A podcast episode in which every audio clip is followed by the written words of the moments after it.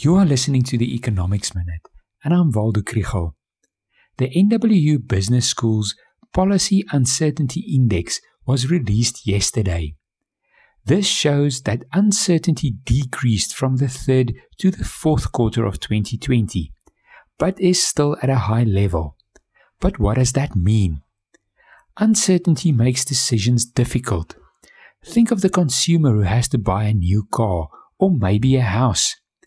If he is unsure about what his income is going to look like in the future or how interest rates are going to change, the decision is difficult, and maybe he decides to wait and see how things pan out.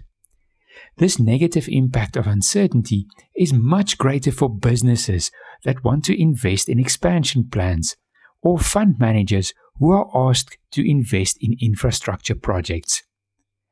There may be uncertainty about a policy itself, about its implementation, or about its, its consequences.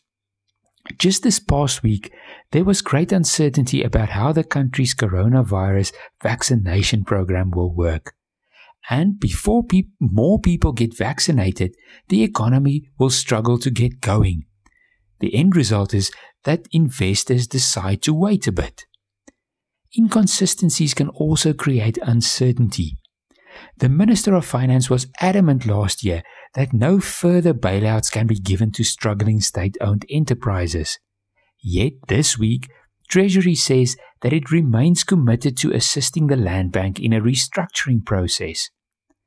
The mess that is SAA's business rescue, Eskom's slow restructuring, and whatever is the state of affairs with land reform, all create uncertainty. Unfortunately, it is as bad as a tax on investment. If you want to learn more about the economy, follow the Econ 101 page on Facebook.